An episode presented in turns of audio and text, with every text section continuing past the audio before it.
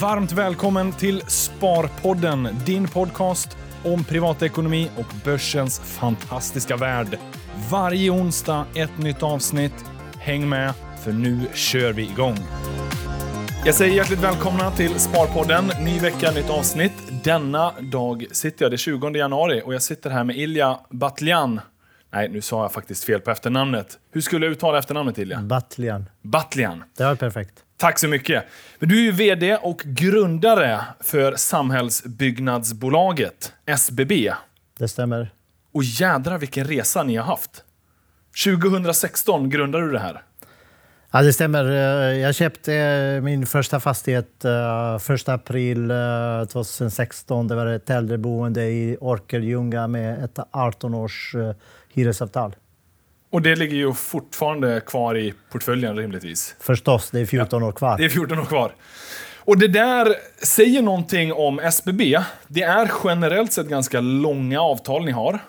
Det stämmer. Vi, vi har uh, längst avtal på, på fastighetsmarknaden. Vi snittar uh, sju år, men vi har signat uh, till exempel första avtalet någonsin i Europa på 50 år med Skellefteå kommun. Vi har, ett, vi har många 20-25 års avtal och egentligen lämnar våra hyresgäster nästan aldrig. Och Det låter som en ganska bra affärsmodell att bli långsiktigt framgångsrik med. Absolut. Ja. Det, det, är en, eh, det är en bett på Norden. Så att om, det går, om det går bra för Norden eh, då, då kommer det att gå ännu bättre för, eh, för, för SBB. Därför att SBB ger en spegling av att eh, investera i nordiska välfärdsstater i och med att vi äger äldreboende, skolor, LSS-fastigheter och svenska hyresrätter. Ja. Och jag tänker att det är det vi ska prata lite om. Dels då, vad är samhällsfastigheter och varför det är intressant att investera i? För det är ju eran nisch, både det och hyresrätter. Jag är lite nyfiken på att höra din syn på den svenska fastighetsmarknaden. Ni är ju ett väldigt transaktionsintensivt bolag. Eh, och det är ju så ni har lyckats bli jädrigt stora på ganska kort tid. Nu är ni, i och med hemsla eller ihopslagningen av Hemfosa, så blir ni tredje, fjärde största fastighetsbolaget noterat. Ja, vi blir uh, tredje, största tredje största, I, i termer av fastighetsvärde därför att vi har eh, fastigheter för över 70 miljarder på balansräkningen. Ja. Och det har gått ganska kort. Ni är också inte bara det tredje största utan ett av de yngsta fastighetsbolagen på Stockholmsbörsen. Den är jag lite nyfiken på. Hur lyckas man på så kort tid och vad finns det för eventuella risker med att vara så transaktionsintensiv? Och sen, eh, eh, och jag, jag, jag tänker vi ska återkomma till det här lite, jag vet att du har många tankar och idéer kring det. Eh, men sen är jag också lite nyfiken på din resa. Det är inte allt för många VDR på Stockholmsbörsen som har doktorerat, som har gjort en politikerkarriär delvis och sen då landat som VD. Tänk om vi börjar där lite, din bakgrund. Eh, du har både doktorerat och eh, varit en tid i politiken. Eh, det stämmer, eller hur? Absolut. Jag är, därutöver är jag också invandrare. Jag är född och uppväxt i Montenegro och hamnade i Sverige i och med att efter kriget, efter att vi flydde från kriget i Bosnien, att första färjan gick inte till Danmark utan till Sverige. Man kunde blivit dansk, gud förbjude, brukar jag säga. Så där, där hade jag lite tur. Ja. Men uh, min första yrke var faktiskt programmerare. Det är därför som jag har investerat väldigt mycket i IT-bolag. Både varit delägare sedan 1999 har investerat i IT-bolag, eh, varit eh, delägare och styrelseledamot, styrelseordförande för ett antal framgångsrika, framgångsrika IT-bolag. Ja. Jag har också en eh, ekonomikandidatexamen från Stockholms universitet och sen har jag doktorerat på matematiska modeller för att skatta framtida behov av vård och omsorg. Och därutöver har jag också gjort eh, min samhällstjänst som eh, kommunstyrelsens ordförande i Nynäshamn i fem år och ett år som landstingsråd i Stockholm. Jädrar, vilken imponerande resa! Uh, och jag är för det första då tacksam att färjan gick till Sverige. Uh, och det tror jag att Sverige också är tacksam för.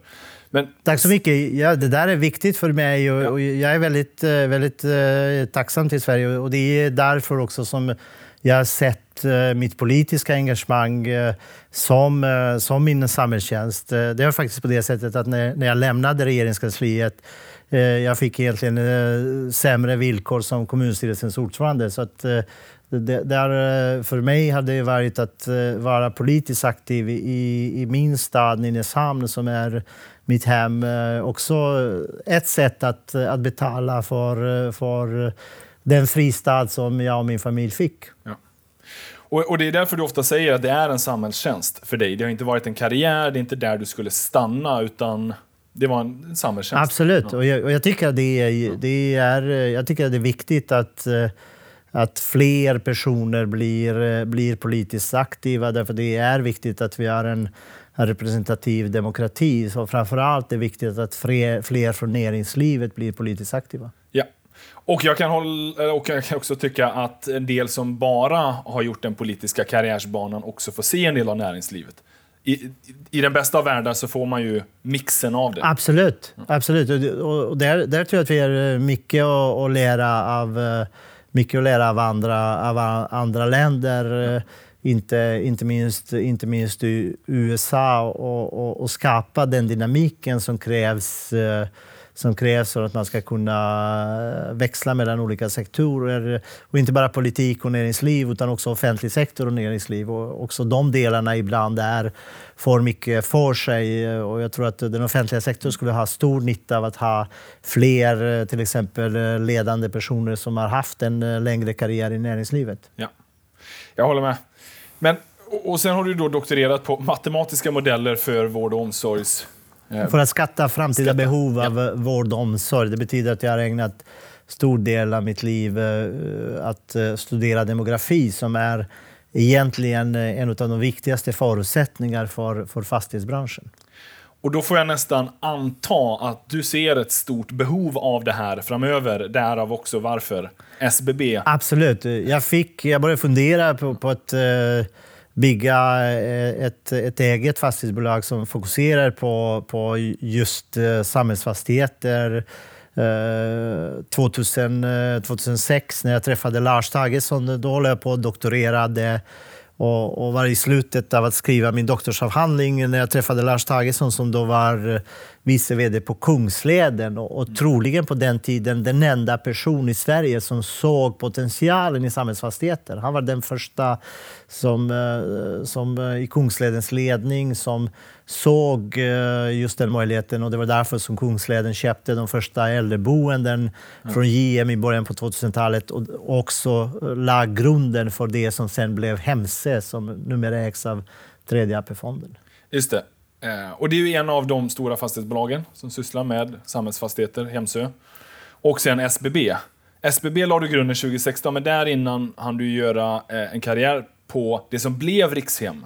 Absolut. Jag, jag brukar säga att eh, tillsammans med, med Jan-Erik Hojvall och mina medarbetare, de flesta av de som var med och byggde upp Rikshem jobbar, jobbar numera från, på, på SBB. Vi byggde Rikshem eh, från 2011 därför att egentligen basen var en, en så kallad Dombrunportföljen som Fjärde AP-fonden köpte ut från Vasakronan och sen byggde vi Rikshem från 2011 till, eh, för min del, eh, till slutet på 2015 när, när jag fick sparken. Och det är en fantastisk erfarenhet av att, av att få sparken därför att samma morgon när pressreleasen gick ut var det i stort sett eh, halva Fastighetssverige som ringde och erbjöd mig pengar och advokat och, och, och jobb och kontor. Och, så att, eh, varför, varför, varför erbjöd de dig pengar och advokater? Ja, därför att de, eh, de tyckte att det sättet som, som... Därför att alla visste att, att jag hade byggt upp bolaget ah, okay. och, och slitit för bolaget. Så de, de ville att jag skulle, att jag skulle, kunna, att jag skulle kunna försvara mig. Ja. Och, och, det där, eh, och ja, eh, det blev lyckligtvis eh, för, för mig på det sättet att Rikshem gjorde en egen utredning som friade mig på, på, alla, på alla punkter. Så att jag behövde, inte, jag behövde inte lägga någon större krut på det utan kunde fokusera på att starta ett nytt bolag. Men det är fantastiskt. Jag brukar säga nu när jag träffar unga människor, se till att, att få sparken. Därför det, mm Eh, för min del skulle jag förblivit tjänsteman om jag inte hade fått sparken. Så att, eh, framförallt mina amerikanska investerare, de, de blir eh, lyriska när jag berättar att jag har fått sparken. Då berättar de att de har fått 1998 och 2009. Och alla gånger när de har fått sparken. Så det är ett kul tema. Ja, men I USA är det en egenskap som verkligen främjas. Betydligt mycket mer än Sverige. Här är man lite försiktig för det och man vill inte gärna att det ska Eh, var den där lilla Nej, men jag, tror att det där, men... jag tror att det där är jätteviktigt. Ja. Att, eh, därför att det är rädda människor mm. Eh, vågar inte skapa någonting. Och, och, så det är otroligt viktigt att, att folk vågar bygga, att folk vågar investera, att folk göra, vågar göra affärer och att folk vågar ta beslut. Och ibland kan, det leda, kan detta leda till sparken och i sin tur kan det vara start för någonting mycket bättre. Ja, precis, och rädd menar du i form av att man ska inte, man ska våga, våga testa. Du har ju, du har ju verkligen fått eh, många revanscher kan man säga i livet och tagit vara på dem. Inte minst då den resan till Sverige och sen även en sån här. Att kunna vända det är väl en av de kanske absolut starkaste egenskaperna du har då, att du kan ta en sån situation, det är motgångar givetvis och det känns och man är, mm. förmodligen kan jag tänka mig, eh, eh man är arg och förbannad och allt sånt där, men att man kan sen kanalisera det till att göra någonting bra av det. Absolut. Eh, livet är eh, en, en kombination av motgångar och framgångar. Men det, det är som i affärslivet. Det är inte en, eh, en enskild affär eller, eh, eller eh, en enskild framgångsrik obligation som räknas, utan det är det som blir på sista raden. Och det där är väldigt viktigt att, att man, att man förstår det komplexa och, och, och, också på det sättet har, har en tilltro till att, att det blir bra på sista raden. Ja. Och där någonstans 2016 la du grunden för Samhällsbyggnadsbolaget, SBB. Och eh, när jag som utomstående tänker och ser på dig som VD och fastighetsbolags-VD så är rädd nog det sista jag tänker. Utan eh, du tar väldigt många beslut och ni är ett väldigt transaktionsintensivt bolag. Ni har förvärvat jättemycket under ganska kort tid. Men jag tänker att man först bara kan vara bra för lyssnarna att förstå vad är, ett samhäll, vad är en samhällsfastighet? En samhällsfastighet är eh, en eh, fastighet där eh, det bedrivs samhällsservice. Och, och det ska helst vara en specialiserad fastighet. Och exempel på det är äldreboende, skolor, LSS-fastigheter. Vissa bolag har breddat den här definitionen för att också omfatta skattefinansierade verksamheter. Och jag tycker att det ska ändå vara lite specialisering. Så att, eh, utifrån min syn när det gäller SBBs fokusering, vi fokuserar på äldreboende, skolor, LSS-fastigheter, kommunhus eh, och eh, departements, departementsbyggnader och svenska hyresrätter. Så det är sammanhang, i sammanhanget en, en social infrastruktur kan man säga. Och det, det, är ju till mångt och mycket då skattefinansierade bostäder, men, men det är inte alla typer av skattefinansierade bostäder. LSS, för den som inte känner till, det är ju bostäder det är bostäder, bostäder, det är bostäder för, för funktionshinder. Och ja. Där är jag faktiskt väldigt stolt över, över Sverige och eh, nu börjar det komma ut eh, på fler platser i Norden. Just att man eh, erbjuder bostäder istället för institution. Mm. Så det där är en, en väldigt viktig, en väldigt viktig uh, verksamhet för att säkerställa att personer med funktionshinder uh, blir inkluderade i samhället och får ett, får ett bra liv. Ja. En solidarisk aspekt på det hela. Absolut. Och det är, och, och det, det är både solidariskt men också, men också mänskligt. Därför att det är fortfarande väldigt många länder där det finns stora problem med funktions, personer för, för, med funktionshinder. Där de eh, antingen är på institution eller tvungna att leva med, med sina föräldrar. Så, att, så det här är en, en, en, väldigt, en väldigt viktig verksamhet där vi levererar själva infrastrukturen. Ja. Men det du, jag antar här nu, men det, det som är lite ur ett investeringsperspektiv intressant med just skattefinansierade fastigheter är tryggheten Absolut. i Jag brukar säga att det här är världens tryggaste tillgångar. Ja. Så det, det är inget tvekan om alltså, eh, samhällsfastigheter i Norden. eh, Därför att här pratar vi om eh, trippel A-ratade länder. Ja. Sverige och eh, Norge, också Danmark, eh, Finland, dubbel, dubbel A+. Så att det här är de tryggaste, de tryggaste länderna i världen. Och det, det här är också en eh, hur ska man säga, vision för, för SBB att eh, skapa ett bolag där du kan eh, köpa aktier och lämna till dina barnbarn och aldrig behöva bekymra dig om. Eh, kunna vara säker att du får en eh, liten bra avkastning med trygghet som är tryggare än, eh, än de flesta europeiska stater. Liten bra avkastning säger du. Det är ju ett ganska ödmjukt eh, uttryck eh, efter det året som du har i ryggen.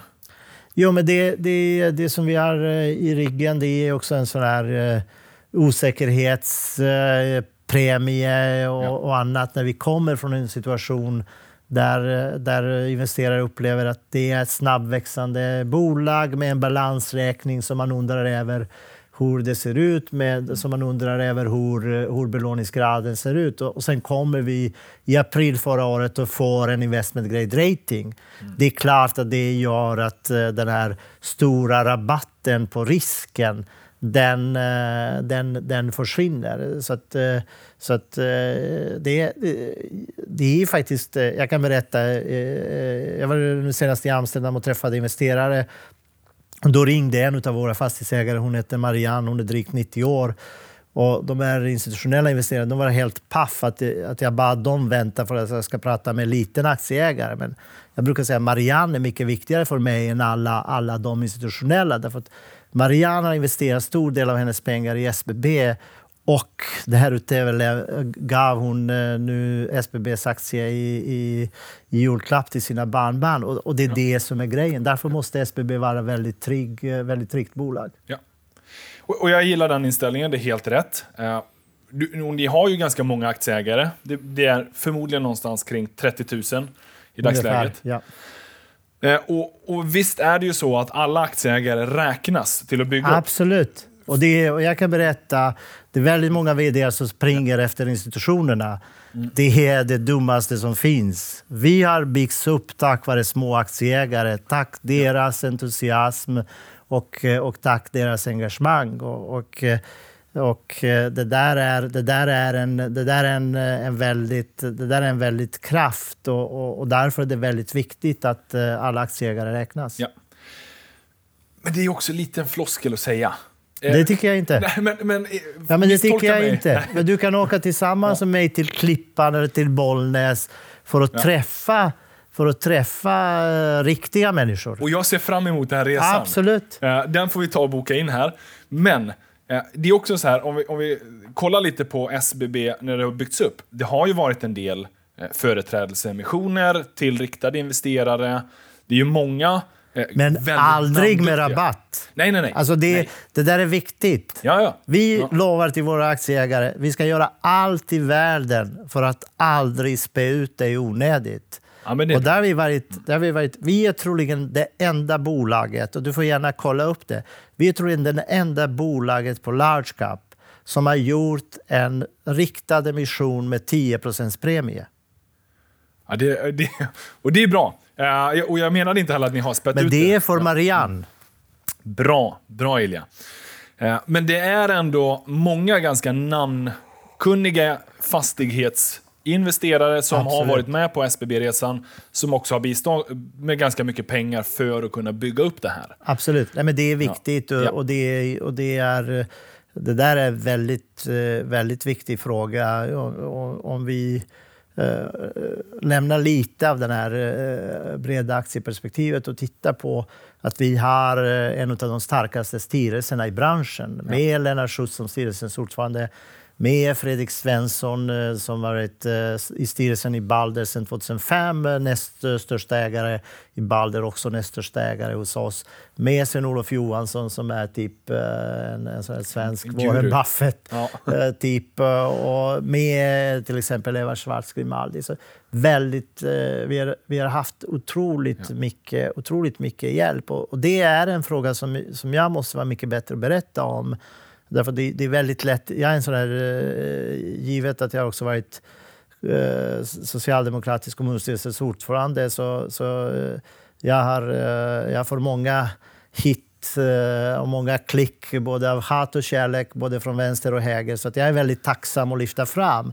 Men egentligen, den stora styrkan i SBB är dess styrelse och dess ja. management team. Om du tittar, vår vice vd Lars Tagesson första vd för Kungsleden förvaltning, vice vd för Kungsleden under, under decennier, en av grundarna av Hemfosa och eh, numera vice vd på SBB, Christer Karlsson, som var med och, och levererade 2-3 miljarder i, i, i, resultat i Rikshem, som är vår vice vd och chef för, för, för, affärs, eller för fastighetsutveckling. Eva-Lotta Strid som varit eh, CFO för Akelius, Rikshem med flera. Så ja. det, det, är, det, det, det, är det som är det är den största team. förmånen mm. man haft att få ett så bra team. Och det är ett bra team du har byggt. Och det betryggar ju också lite att det inte bara bär eller brister med dig. Eh, och Absolut. så är det ju ofta, att det finns många hjältar som är med och lyfter det bakom. Eh, men om vi ska tillbaka lite till det eh, SBB som du har varit med och byggt upp under de här åren. Tredje största fastighetsbolaget efter den här ihopslagningen med Hemfosa. Det är ju en enorm affär. Ni mm. var ju ett mindre bolag än Hemfosa och lyckades sluka. Det är ju i, i allmänhet ganska ovanligt. Uh, där har vi haft eh, det, det är två... Eh, jag menar, som jag sa tidigare, det teamet som vi har i SBB är förstås ja. avgörande. Men, men, vi har haft också två andra komponenter som, som har varit viktiga i sammanhanget. Den ena är att uh, vi har en, en investment grade rating och, och har också en, en aktieägarbas som är väl företrädd i, i styrelsen. Ja. I samband med när vi annonserade budet, då annonserade vi också att vi gör en företrädesemission och eh, då, eh, då blev den garanterad av management och styrelseledamöterna. En och en halv miljard blev garanterad på tre minuter utan ersättning. Och Det här är väldigt viktigt. Eh, att det visar liksom vilken, vilken stark tilltro till bolaget som finns i, i styrelsen och management. Och sen också en väldigt stark uppbackning av, eh, av kapitalmarknad och mm. internationella banker. I, I vårt fall med, med Lead, med JP Morgan som, eh, som var beredd att, att ge oss en, en brigglån på 29,5 miljarder. Och, eh, vi har väldigt erfarna styrelseledamöter men ingen av dem har någonsin sett ett brigg, eh, erbjudande om brigglån på 29,5 miljarder. Så, så vi hade en väldigt, väldigt stark position. Ja. Och det är ett bra varumärke SBB har efter alla de här transaktionerna. Men jag undrar lite, vad är ambitionen framåt? Ska ni fortsätta vara så transaktionsintensiva? För vi pratade lite om det här innan inspelningen, men ni har ju gjort transaktioner till ett lika stort värde av ert fastighetsbestånd idag. Absolut. Vi, det är också de, lite ovanligt. Om man räknar in det som eh, annonserade den stor, de stora försäljningarna i, i fredags på, på 11, drygt 11 miljarder, då är vi under de senaste 12 månaderna annonserat transaktioner för 77 miljarder som är faktiskt mer än vår mm. fastighetsvärde. Så, så att, uh, det, det, är, det visar på, på styrkan i teamet och det visar att vi klarar av att och, uh, exekvera och göra saker. Det som är fokus nu är egentligen att uppnå en trippel B plus-rating. därför att vi tycker att eh, Marianne eh, måste känna sig trygg varje dag. Och, ja. eh, och det betyder att vi har väldigt mycket att vinna genom att uppnå trippel B plus-rating, eh, både när det gäller tryggheter, bredare investerarbas, men också genom att kunna fortsätta sänka, sänka våra finansiella kostnader. Och eh, en trippel B plus-rating kommer också möjliggöra, möjliggöra fortsatt tillväxt, men mm. först en trippel B plus-rating. Ja, och det möjliggör ju att sänka kostnaderna för de lån. För ni har ju ändå en viss skuldsättning och den ökar ju i samband med förvärv. Hur, hur, känner du kring skuldsättningen? Är den på en trygg nivå eller vill ni jobba ner den? Eller ni... ja, vi kommer att jobba ner den. Framförallt jobbar vi ner eh, bankskulden. Ja. Eh, alltså alla de här 11 miljarder som vi får nu i försäljnings, eh, försäljningslikvid eh, drygt 11 miljarder kommer att användas för att amortera ner bankskulder. Mm. Och vi såg redan i fredagskvällen när vi annonserade försäljningarna att, vi, att våra priser på våra obligationer, det vill säga den marginal som vi betalar för vår skuld, eh, minskade direkt rejält. Ja. Med, med nästan eh, priset på våra femårs, femårspapper gick ner till 120 punkter eller strax under, vilket, vilket är vilket är, motsvarar egentligen högre rating än, ja. än vi har officiellt idag. Så den delen är eh, väldigt viktig för oss. Och, och, det är också på det sättet att vi klarar av att dra ner skulden samtidigt som styrelsen har tidigare annonserat att man kommer eh, att ha, eh, man förväntas föreslå en utdelning på 60, 60 mm. öre per, per aktie vilket givet nuvarande pris är någonstans kring 2,6-2,7 procent vilket är relativt högt för den här typen ja. av trygga tillgångar. Och den föreslogs nästan kvartalsvis, eh, för, nu pratar vi vanliga stamaktien, B-aktien. Absolut, ja. det, det föreslås att delas ja. ut kvartals, kvartalsvis. Ja. Eh, från, eh, det, det, eller det kommer att föreslås. Det är den intention som styrelsen annonserat och som kommer att föreslås inför, inför bolagsstämman som är 27 april. Ja. Och sen har ni flera aktier. Jag tänkte vi skulle prata lite om det också. Eh, det är ju stamaktien vi pratar om nu, SBB.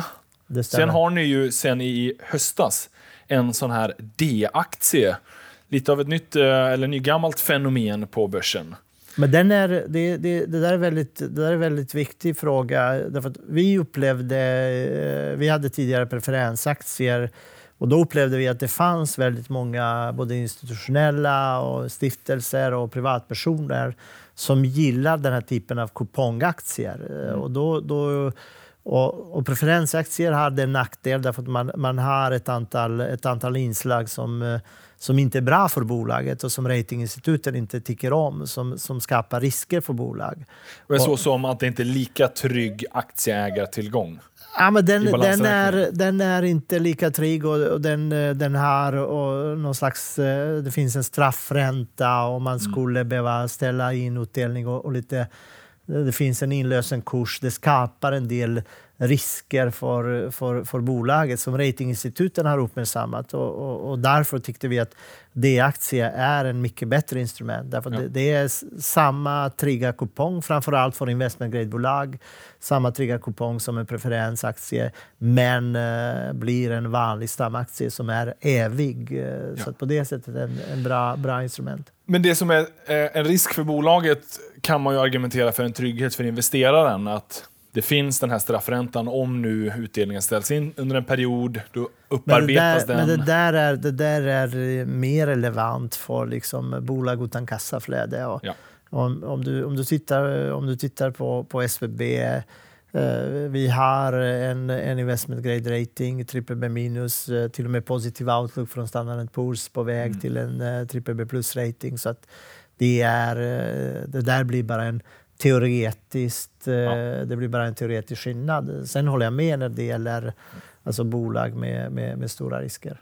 Och Man kan argumentera för att du som aktieägare ska vara en del av bolaget, så att ja, det som är bra för bolaget kan vara bra för dig också. Absolut. Absolut. Så, men, men det är ju, det har blivit lite mer och mer populärt med de här D-aktierna bland fastighetsbolagen.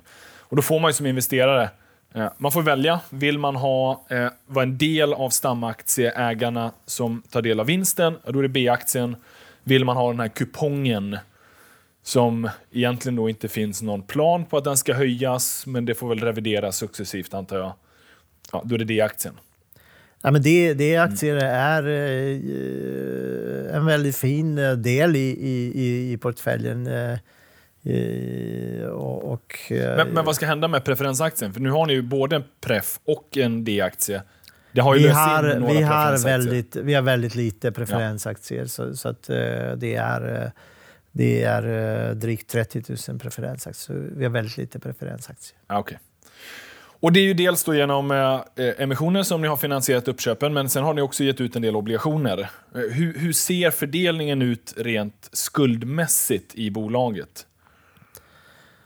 Hur, om man bara tänker så här ur investerarens perspektiv, hur mycket är banklån, hur mycket obligationer? Vi har, eh, vi har eh, låt, låt oss ta den sista först, för det är egentligen det viktigaste. Och den viktigaste punkten för ett fastighetsbolag eh, är eh, faktiskt varken ränta eller, eller om det är bank eller obligation. Den viktigaste punkten är kapitalbindningen. Ja. Det vill säga om någonting händer så att man är trygg att man har peng, de pengar man tror att man har. Ja. Och där har vi jobbat väldigt mycket. eh, Och eh, vi har en snittkapitalbindning i, i SBB som, eh, som är cirka fem år, mellan fyra och fem år. Och det är där någonstans vi, vi vill vara. Helst lite längre, helst lite längre framåt. Och när det gäller räntebindningen, vi snittar också strax under fem år på räntebindning. Eh, därför det, det, är, det är mer som en eh, försäkring eh, i en, i en situation där, där räntorna sticker iväg. Så att, eh, sen har vi relativt lite banklån. Hemfosa har väldigt mycket banklån. Ja. Hemfosa har i stort sett allt banklån. Och, och vi, vi tycker inte om det. Vi, vi, vi tycker det är... Och för kapitalmarknaden är viktigt att, eh, att, eh, att man har eh, den här balansen. Och I vårt fall eh, tycker vi att vi ska ha en, en säkerställd skuld som, som, ligger, som ligger under, under 30 procent. Så- Så att, vi- Total skuldsättning eller? Ja, den totala skuldsättningen har vi som mål att vi ska ligga under 50 procent. Ja. Eh, Och, och det blir... eh, Det, blir eh, Det kommer ni vara över med Hemfosa? ja, vi, är, vi är över med, med Hemfosa momentant, men samtidigt när vi säljer för 11 miljarder då är vi, då är vi kring 50 procent. Så, att, okej. ja. så att, och det, där är, det där är ett väldigt viktigt mål för, för oss, att, att ha en väldigt trygg balansräkning. Men eh, kanske en parentes i frågan, men hjälp mig gärna lite, förstå lite hur man, hur ska man värdera SBB? Och, får man bara, nu kollar jag från senaste rapporten. Då hade ni ett fastighetsbestånd på ungefär 30 miljarder. Nu har ju det förändrats, för det, det händer väldigt mycket i SBB hela tiden. Hemfosa och allt sånt där. Eh, men om man kollar EPRA-navet så är det betydligt mycket lägre. Nej, men jag, alltså när, det gäller, när det gäller SBB, eh, givet eh, den, eh, den tryggheten i tillgångar och eh, de långsiktiga kontrakten Ja. och ingen motpartsrisk, eh, då, då, då tycker jag att man ska värdera SBB utifrån intjäning per aktier och, och sen får man sen från fastighetsförvaltning och sen får man justera vad man tror att vi kan leverera från, från fastighetsutveckling, renoveringar och transaktion. Och, och tar man de siffrorna som är offentliga när det gäller Q3 Proforma givet de synergier som också är offentliga betyder det att eh, vi skulle, om man bara räknar rent matematiskt, tjäna 1,73 kronor per aktier från fastighetsförvaltning på sista raden efter att alla utdelningar till D-aktier och efter att alla eh, utdelningar till hybrid är gjorda. Och till det ska man lägga om man tror att eh, vi tjänar någon krona på, från fastighetsutveckling, fastighets, eh, utveckling, från renoveringar och från, för transaktion. Och då har man ju ett P-tal på ungefär 10-12. Ja, då har man ett P-tal, eh, jag skulle säga beroende hur man räknar, mellan 8 och 12. 8 och 12, ja. Och det du säger då är att man ska ju fundera över eh, möjligheterna till transaktioner, renoveringar och utvecklingar. Så som fastighetsbeståndet ser ut nu, då är det ungefär 80% samhällsfastigheter Det stämmer. och sen 20% hyresbostäder. Det stämmer. Den, det är ju en liten het potatis, jag måste bara ställa frågan till dig. Absolut. Eh, hyresregleringen. Det är ju många fastighetsägare som investerar i hyresbostäder som kan känna att eh, man inte kan sätta eh, den, den marknadshyra man hade önskat tack vare svensk lagstiftning. Men, men du och ni ser det här som en potential. Absolut. Vi, vi, utan, eh, jag menar, vi brukar hålla oss från, från politiken och, och Sven-Olof Sven brukar säga att politikerna gör, kan göra vad, vad de vill. Vårt roll är att anpassa oss. Och, Ja. Och givet att vi har ett system som är hyresreglerat, då, då ser vi de mervärdena i att man har i den låga hyran. Därför att den låga hyran betyder allt annat lika, den kan aldrig bli lägre. Det vill säga att man skapar en av eh, världens mest trygga tillgångar. Mm. Så att eh, det, det, det, finns, eh, har man en stark balansräkning då, då finns det en, en styrka i det. Samtidigt förstår jag att när man jämför till exempel med våra grannländer, om du tittar eh, Norge och Finland, det ligger hyresnivåerna mellan eh, 2500 till 3000, ibland högre än så, per kvadratmeter i, i storstäderna. Och, och det, är, det är väldigt långt från de nivåerna som man har i Sverige. Ja. ja, men så kan man verkligen se på det. Den blir inte lägre. Och sen kan ni då renovera upp, skapa ytterligare värden genom att ja, förädla Absolut. Nej, men det, det, där är, det där är en viktig dimension och, och, och det är väldigt mycket debatt om det. Ja. Men jag tycker att det är otroligt viktigt att bostäderna renoveras. Eh, så att annars är det stor risk att, att man får en förslumning. Så att, eh, mm. Sen ska det göras ansvarsfullt och, och sen ska man se till så att det inte bara blir lägenheterna som blir renoverade utan att man ser till också att yttre miljön och och fasad och, och tak. Eh, också att investera i, eh, i att minska energiförbrukning och koldioxidutsläpp. Det, det, tror jag, det tror jag kommer bli stor delare framåt. Det vill säga de som är hållbara, de som investerar i hållbarhet och de som inte gör det. Mm. Och jag tror att vi, vi går mot en situation där på några års sikt eh, frågan kommer inte att vara om du vill eh, investera i hållbarhet, kommer det vara, om du inte är hållbar kommer du inte få några investerare. Så, så, den är väldigt, det är väldigt viktigt att man, att man fokuserar på detta och, och, där, och där är renoveringar otroligt centrala. Ja. Och ni har en grön obligation? Vi har, eh, vi har en grön obligation och har ett program där vi till exempel i ett av våra bostadsområden med 500 lägenheter där vi i steget sänker koldioxidutsläpp med 50 procent och där vi också genom att använda solenergi och eh, moduler för att lagra solenergi räknar med att uppnå en besparing av koldioxidutsläpp med 75 procent. Ja. Och ungefär 80-20 var fördelningen samhällsfastigheter hyresrätter. Är det ungefär visionen för SBB eller hur, vad tror du är en rimlig SBB fokuserar för, för social infrastruktur och, och, och då är det just äldreboende, skolor och LSS-fastigheter.